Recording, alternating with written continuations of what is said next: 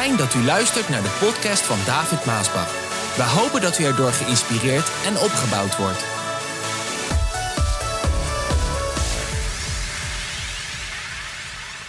De profeten hebben ons gewaarschuwd. Nou, misschien dat ik toch even kan zeggen uh, hoe dat bij mij persoonlijk zit met bepaalde boodschappen die ik breng. Die ook echt op uh, YouTube uh, ja, tienduizenden keren wordt bekeken. Dus er wordt echt wel veel naar gekeken door alle lagen van het volk. Maar van tijd tot tijd dan komt de geest van profetie tot mij of over mij. Ja, en dan moet ik gewoon delen wat ik zie en wat ik hoor. Of wat de Heer mij geeft. Dat vind ik niet altijd fijn. Ik sta niet altijd te juichen. Maar dan moet ik wel zeggen wat de Heer mij zegt. En delen wat de Heer wil dat ik zal delen. En ja, daar zitten boodschappen tussen. Vaak ook profetisch. Wat niet altijd voor iedereen fijn is om te horen. En toch moeten ze gezegd worden. Ja, ik heb een soort verbond met de Heer al vele jaren. Dat ik altijd zal doen wat de Heer mij zegt om te doen. En dat ik altijd zal zeggen wat de Heer mij zegt wat ik moet zeggen. Dus daar kan je van op aan. Of het leuk is of niet, ik zal zeggen wat de Heer wil dat ik zal zeggen. Al kost het mijn naam, al kost het mijn reputatie, al kost het me alles. U kent mij zo langzamerhand wel. Ik zeg altijd, wil je de waarheid of wil je sympathie?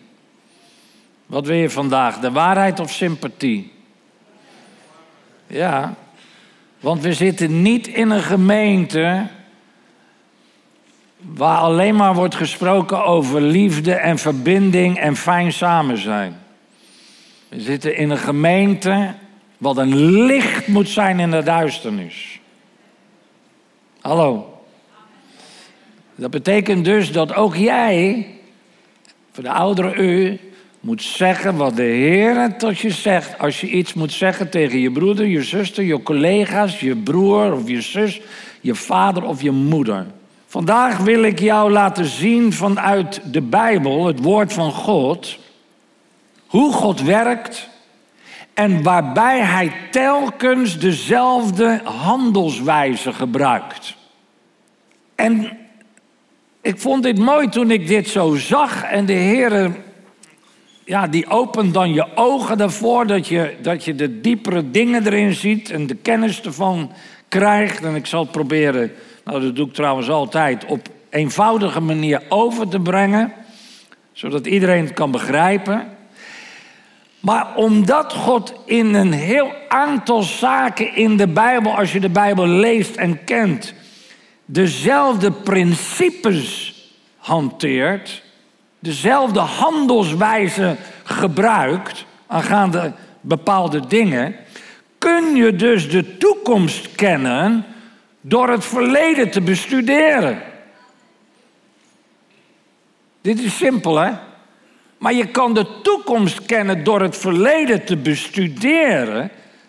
En met name als de Heer in bepaalde zaken elke keer dezelfde soort handelswijze gebruikt.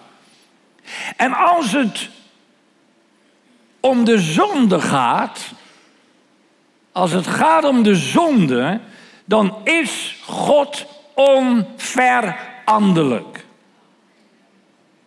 Ik zal het zelf zo zeggen: God is onverbiddelijk als het om de zonde gaat.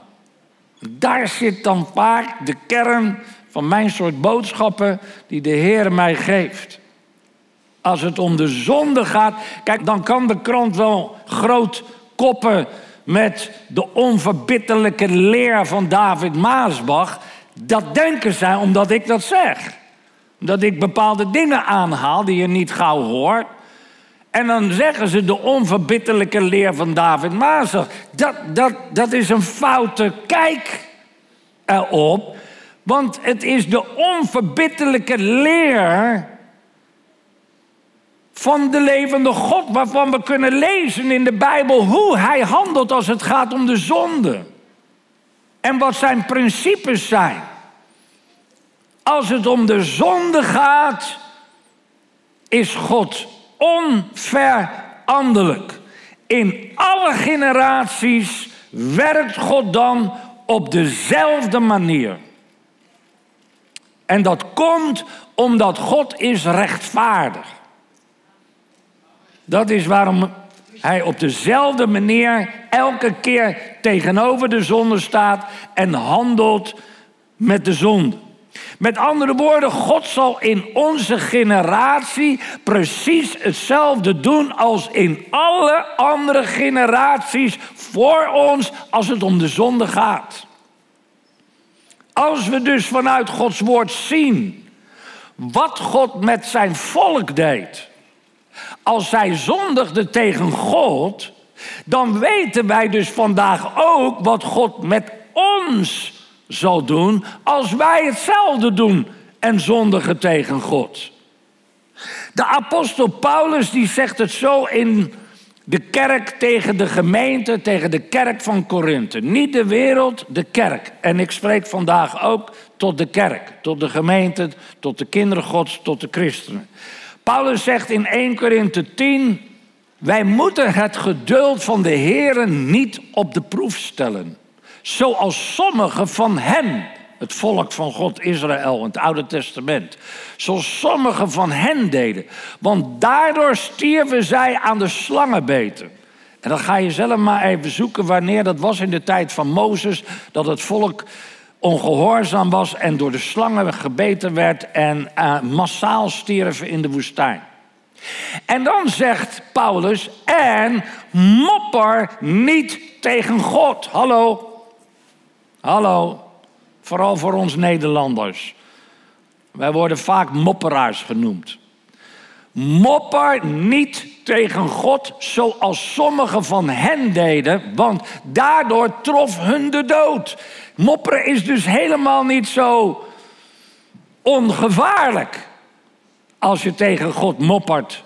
Over hem, over de gemeente, over de broeders, over de zusters, over de dingen des Heren. Luister wat hij zegt, Paulus. Dat is allemaal met hen gebeurd om een voorbeeld te stellen. En het is opgeschreven als een waarschuwing voor ons die aan het einde van de tijd leven. Het is opgeschreven voor jou en mij vandaag die aan het einde van de tijd leven om jou en mij te waarschuwen. Zoals het toen was, zo is het nu ook, want God is onveranderlijk. Paulus die kijkt dus heel eenvoudig naar de geschiedenis. En met wat God met zijn volk deed als zij zondigden tegen God. Paulus keek gewoon terug in de geschiedenis. En wij hebben ook, lieve mensen, de geschiedenis. Ken je de geschiedenis? Dat is een probleem vandaag bij een hele nieuwe generatie, omdat die Bijbel, die de geschiedenissen vertelt als een waarschuwing voor ons, is uit al die overheidsgebouwen weggehaald. Van scholen wordt het weggehaald. Het wordt niet meer onderwezen. Kinderen worden vaak niet meer opgevoed daarin. Zo men kent de geschiedenissen niet. En daarom weten ze ook niet wie God is en hoe Hij handelt wanneer ze fout zijn wanneer ze zondigen tegen God. Zo, hoe moeilijk kan het nou zijn, lieve mensen, door van de geschiedenis te leren? Hoe moeilijk? Hallo, is dit een moeilijke boodschap die ik breng? Helemaal niet moeilijk. Hoe moeilijk kan het zijn door van de geschiedenis te leren? Je ziet een heel duidelijk patroon in de Bijbel. Daarom lees je Bijbel, christenen. Kinderen Gods, lees je Bijbel. Dat patroon vertelt jou wat God doet als jij dezelfde zonde doet als Israël. Lees het. Ja, maar ja, dat willen velen niet horen, want dat is niet prettig. En in vele kerken wordt het niet gepreekt, want dat geeft geen fijne vibe. Geen fijne sfeer. Maar zo moeilijk is het toch niet? Trek nou lering vandaag uit het Oude Testament van de Bijbel en kijk heel eenvoudig naar de geschiedenis. Eigenlijk dat is wat ik vaak doe in mijn boodschappen. Kijk naar de geschiedenis. Petrus die zegt het zo in 2 Petrus 2. Later keerde hij, keerde God de steden Sodom en Gomorra ondersteboven en bedekte ze met as. Ze werden volledig verwoest. En daarmee stelde God een voorbeeld voor alle mensen die niets van Hem willen weten. We hebben het voorbeeld. Hallo. En, en ik spreek ik, ik noem de beestjes bij naam en dan, en dan zeg ik wel eens over de LBTGI en de hele plusgemeente en al dat soort van zonde. Luister, je kan draaien en keren hoe je het wilt, maar wij hebben de geschiedenis. De Bijbel die vertelt ons wat God deed met die mensen die leefden zoals jullie leven. Sodom en Gomorra werden vernietigd. Dat is de geschiedenis. Dat is de reden dat ik met zoveel zekerheid en stelligheid, wat niet iedereen altijd prettig vindt, maar wat ik wel kan, de profetische boodschappen kan brengen die de Heer mij geeft. We hebben de geschiedenis. En die kan ik brengen aan de regering en de overheid en de kerk en ons volk van Nederland vandaag om je te waarschuwen. En een gewaarschuwd mens. Oh, die ken je wel. In Jesaja 22 kun je lezen hoe God het oordeel bracht over Jeruzalem. We kennen de geschiedenis. God had heel wat profeten had hij al naar Jeruzalem gestuurd om die mensen daar te waarschuwen voor het komende oordeel en als zij zich niet zouden bekeren. Elke keer kwamen daar de profeten. God stuurde ze. Luister, lieve mensen, je kan denken en zeggen wat je wil over mij. Die dingen die ik zeg, zeg ik niet zomaar. Het is God die mensen waarschuwt. Hij houdt van mensen. Hij wil niet dat mensen verloren gaan. Hij wil dat het goed met ons gaat. En zo, hij stuurt profeten. Hij stuurt messengers, boodschappers, om de mensen te waarschuwen dat ze zich moeten bekeren. Maar ondanks al die waarschuwing zien we dat die goddeloze maatschappij daar in die tijd van Jesaja maar op los leefden in hun zonde. Jeruzalem, die was de rode lijn al lang gepasseerd toen God ingreep. Kijk, dit wil ik ook graag duidelijk neerleggen. Wanneer God eenmaal ingrijpt, echt ingrijpt en iets doet, in een land of in je leven, dan ben je al lang de rode lijn gepasseerd. God grijpt niet zomaar in. Hij is heel langmoedig, zegt de Bijbel. Barmhartig. Hij vergeeft graag. Maar wanneer hij eenmaal ingrijpt, ben je de rode lijn al lang gepasseerd. Heb je vele waarschuwingen in de wind geslagen. Er had een totale ontkerkelijking plaatsgevonden in die tijd. En de mensen, ze leefden zoals ze maar wilden leven. Eigenlijk net als Nederland vandaag. De mensen leven zoals ze willen leven. Ze willen zich niks meer laten aanzeggen. En helemaal met die woke-bewegingen, MeToo-bewegingen... al die bewegingen die er vandaag gaande zijn. Ze willen, ze, willen ze, ze leven zoals ze willen leven. Vrij noemen ze het. Vrij, beschaafd, nobel. En uit Gods grote liefde doet hij nog een laatste poging om zijn volk te bereiken en ernstig te waarschuwen. En luister, als eenmaal de laatste waarschuwing is gegeven, is er geen weg meer terug. Dan komen er geen waarschuwingen meer.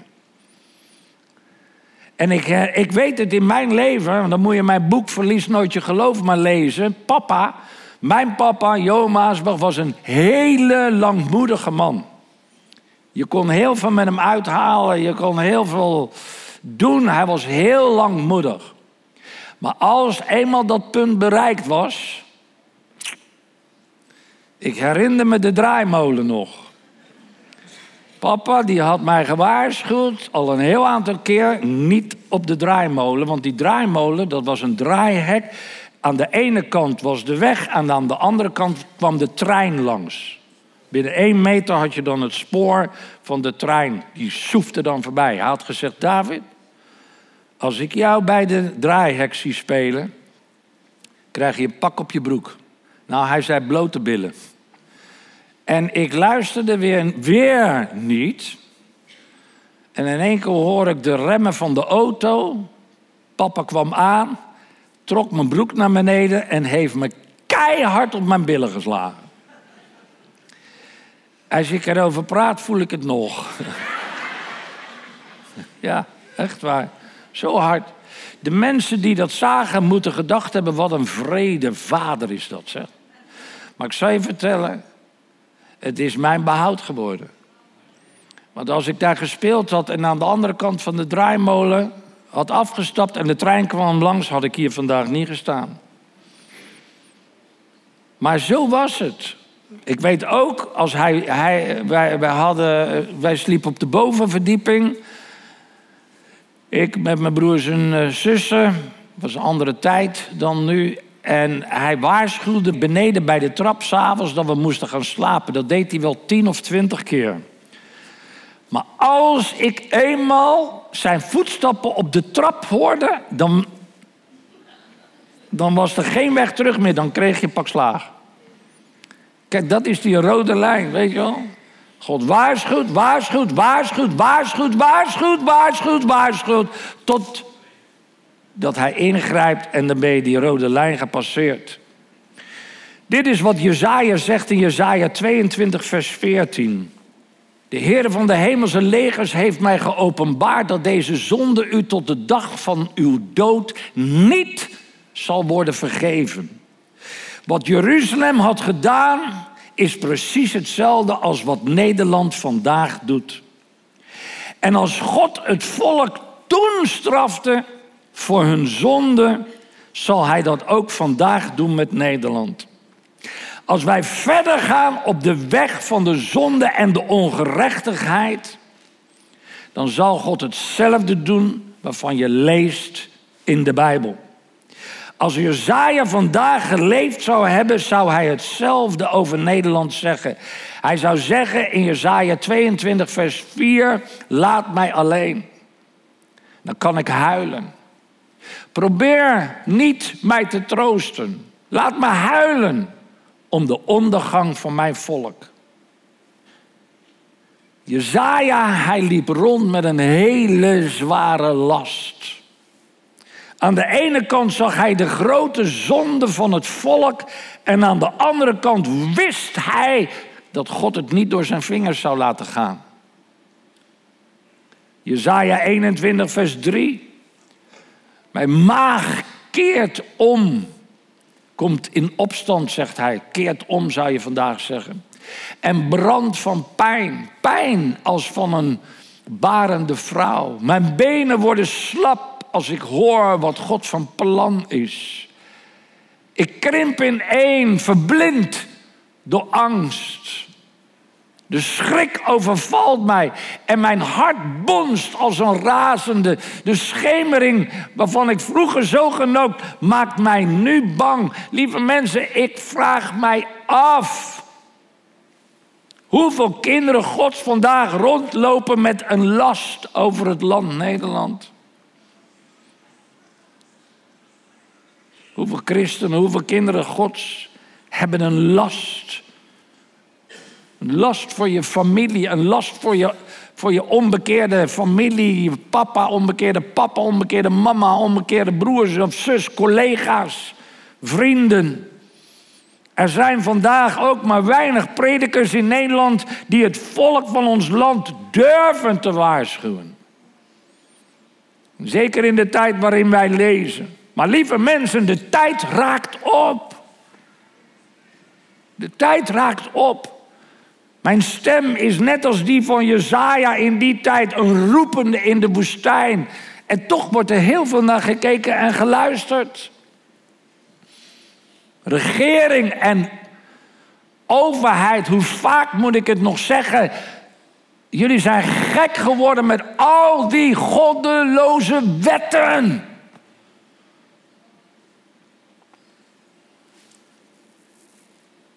Het brengt ons land naar de afgrond. Het brengt ons land naar de ondergang. Het brengt ons land naar de vernietiging. Nou, ook weet ik, er zullen mensen zijn die zeggen: David, David. Er zullen ook zijn die zeggen: David is gek, daar moet je niet naar luisteren. Nou, je mag het zeggen. Je mag het zeggen, maar luister, ik ben niet gek, jullie zijn blind. Echt. Wat was nou die zonde namelijk? Waarvan God zegt, die zal tot je dag niet vergeven worden. Want wij leven in een tijd, hè, zeker binnen Pinksteren evangelisch, alles is genade, alles wordt vergeven, God is liefde, et cetera.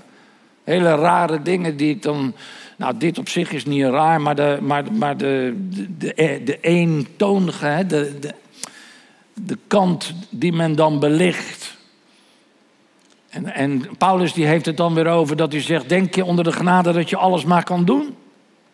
Nee, zeker niet.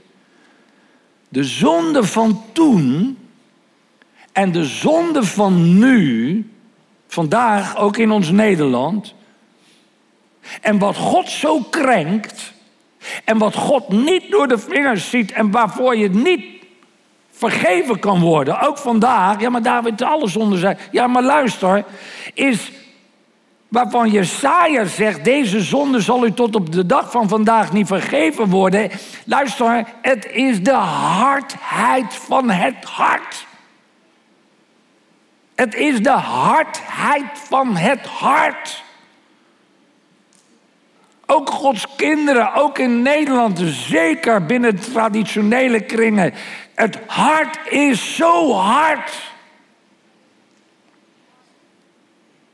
Bepaalde dingen die men doet en blijft volharden. Het oordeel was al gaande, maar de mensen bleven maar doorgaan in het volharden van hun zondige wandel. Hoe moet God dan vergeven? Geldt voor jou vandaag precies hetzelfde. In bepaalde zaken de hardheid het ging zelfs van kwaad tot erger, precies zoals men vandaag leeft. Vele kerken, vele christenen. God kan maar niet doorkomen, omdat het hart zo hard is. Er is vandaag in Nederland een openlijke tegenstand van de regering en de overheid tegen de, laat ik zeggen, ik en mijn huis, wij zullen de Heer dienen, christenen. Er is een openlijke tegenstand, vijandschap eigenlijk, daartegen. En die wordt steeds groter. Het contrast wordt steeds groter tussen degene die de brede weg bewandelen en degene die de smalle weg bewandelen. Degene die zeggen, ik en mijn huis, wij willen de Heere dienen. Ik wil de Heere dienen. Ik wil mij houden samen met mijn gezin aan de principes, de normen, de waarden, de wetten van Gods woord. De overheid maakt het steeds moeilijker. En komt steeds meer in opstand tegen al die christenen die dat willen en zeggen. En gaan ze wetten maken en verzinnen, waardoor we eigenlijk verplicht worden om mee te gaan in hun zondige wereld. En luister, ik zeg het vaak genoeg, ik wil niet in een wereld leven van D66. En, en hoe hun, hoe hun ons Nederland zien. De toekomst van ons land. Met alle goddeloosheid. En wetten die ze daarvoor maken. En niet alleen D66, maar die is een voorloper in deze zaken. Maar een hele hoop anderen ook. Nee, ik wil God gehoorzaam zijn. Ik wil leven volgens het woord van God. Daar passen bepaalde dingen niet bij die nu openlijk gepromoot worden, waar wetten achter staan, waar de kinderen in opgevoed worden van. Neem het de, transgen de transgender eh, hele toestand, uh, hoeveel. Uh, hoe heet dat ook weer? Transgender toch? Hoeveel transgenders heb je? Of nee, hoeveel? Hoe heet dat nou? Of je man of vrouw bent? Ja, ik kom niet op het woord. Ja, het is allemaal, dat is nou ingewikkeld. Gender, dat zocht ik, dank je wel. Hoeveel genders er zijn. Wat een zotheid! hoeveel, hoeveel genders er zijn. Maar ik weet dat de mensen naar mij kijken, die denken dat ik er zo mee spot. Maar lieve mensen, het is zot. En dit wordt allemaal wettelijk vastgelegd. Hè? En onze kinderen worden in die hele gedachte meegenomen. En als je dan dingen zegt vanuit het woord van God, wat dat betitelt als zotheid, dan zijn wij fout. Kan je straks nog in de gevangenis komen ook, of aangeklaagd worden. Ja, lieve mensen, bid voor mij ook als ik dingen moet zeggen. Maar deze dingen moeten gezegd worden. Ja, wacht even, niet alleen door mij, maar door al Gods kinderen. Die willen leven als ik in mijn huis. Ja, ja, want gij zult een licht voor mij zijn. Gij zult mij getuigen zijn. We hebben de geschiedenis, mensen. Ja. Goed, laat ik naar het einde gaan. Misschien zeg jij nu met deze dingen, en er waren nog een paar dingen die ik eigenlijk had willen aanhalen als ik meer tijd had gehad. En dat je dan zegt, ja maar David, als ik al deze dingen hoor, dan zinkt de moed me wel in de schoenen. Mijn antwoord daarop is, dat is geen goede reactie. Dat is geen goede houding voor iemand die gered is en die eigenlijk zit te wachten om de Heer tegemoet te gaan in, in de lucht. Want je moet niet vergeten dat Jezus heeft gezegd: al deze dingen moeten geschieden. En hij zei nog meer. Hij zegt juist als al die dingen geschieden, heb goede moed, want uw verlossing is nabij.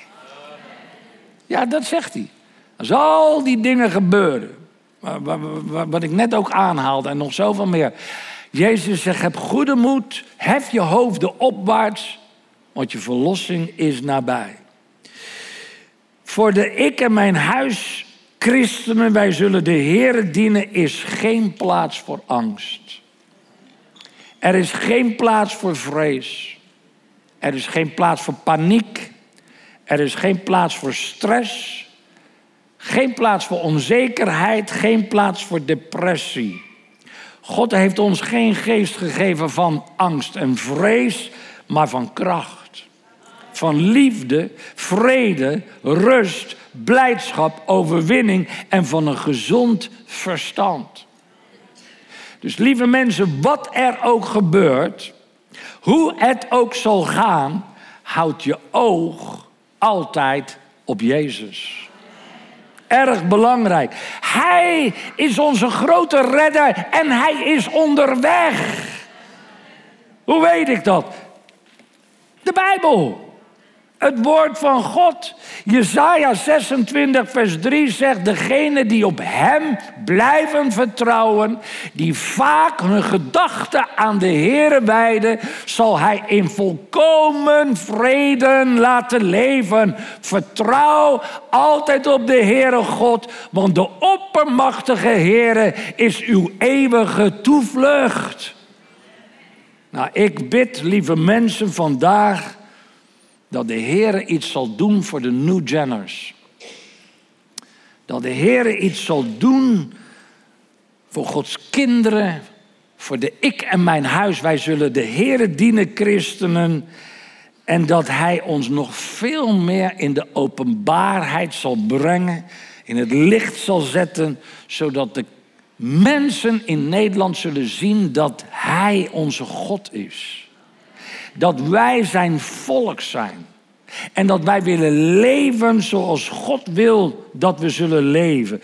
In een maatschappij vol chaos, vol hysterie, kan ik ook zeggen. Want het lijkt soms wel alsof ze helemaal gek worden als je bepaalde dingen zegt.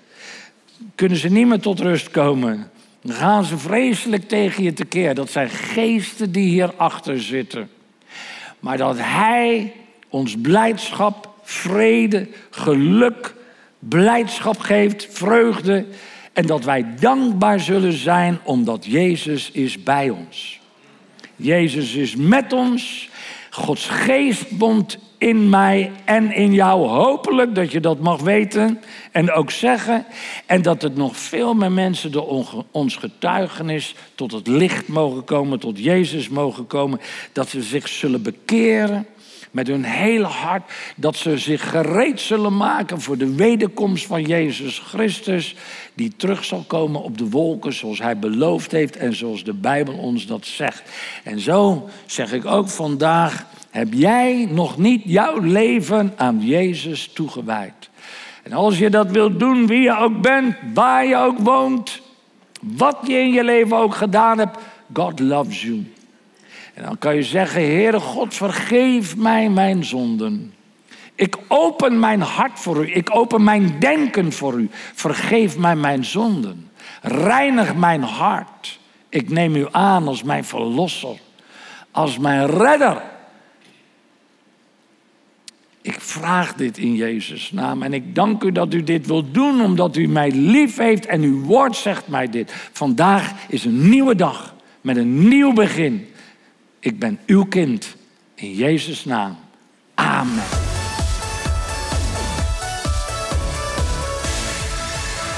Bedankt voor het luisteren naar deze podcast. Wilt u meer preken beluisteren? Ga dan naar message.maasbachradio.com. Bezoek ook eens onze website www.maasbach.nl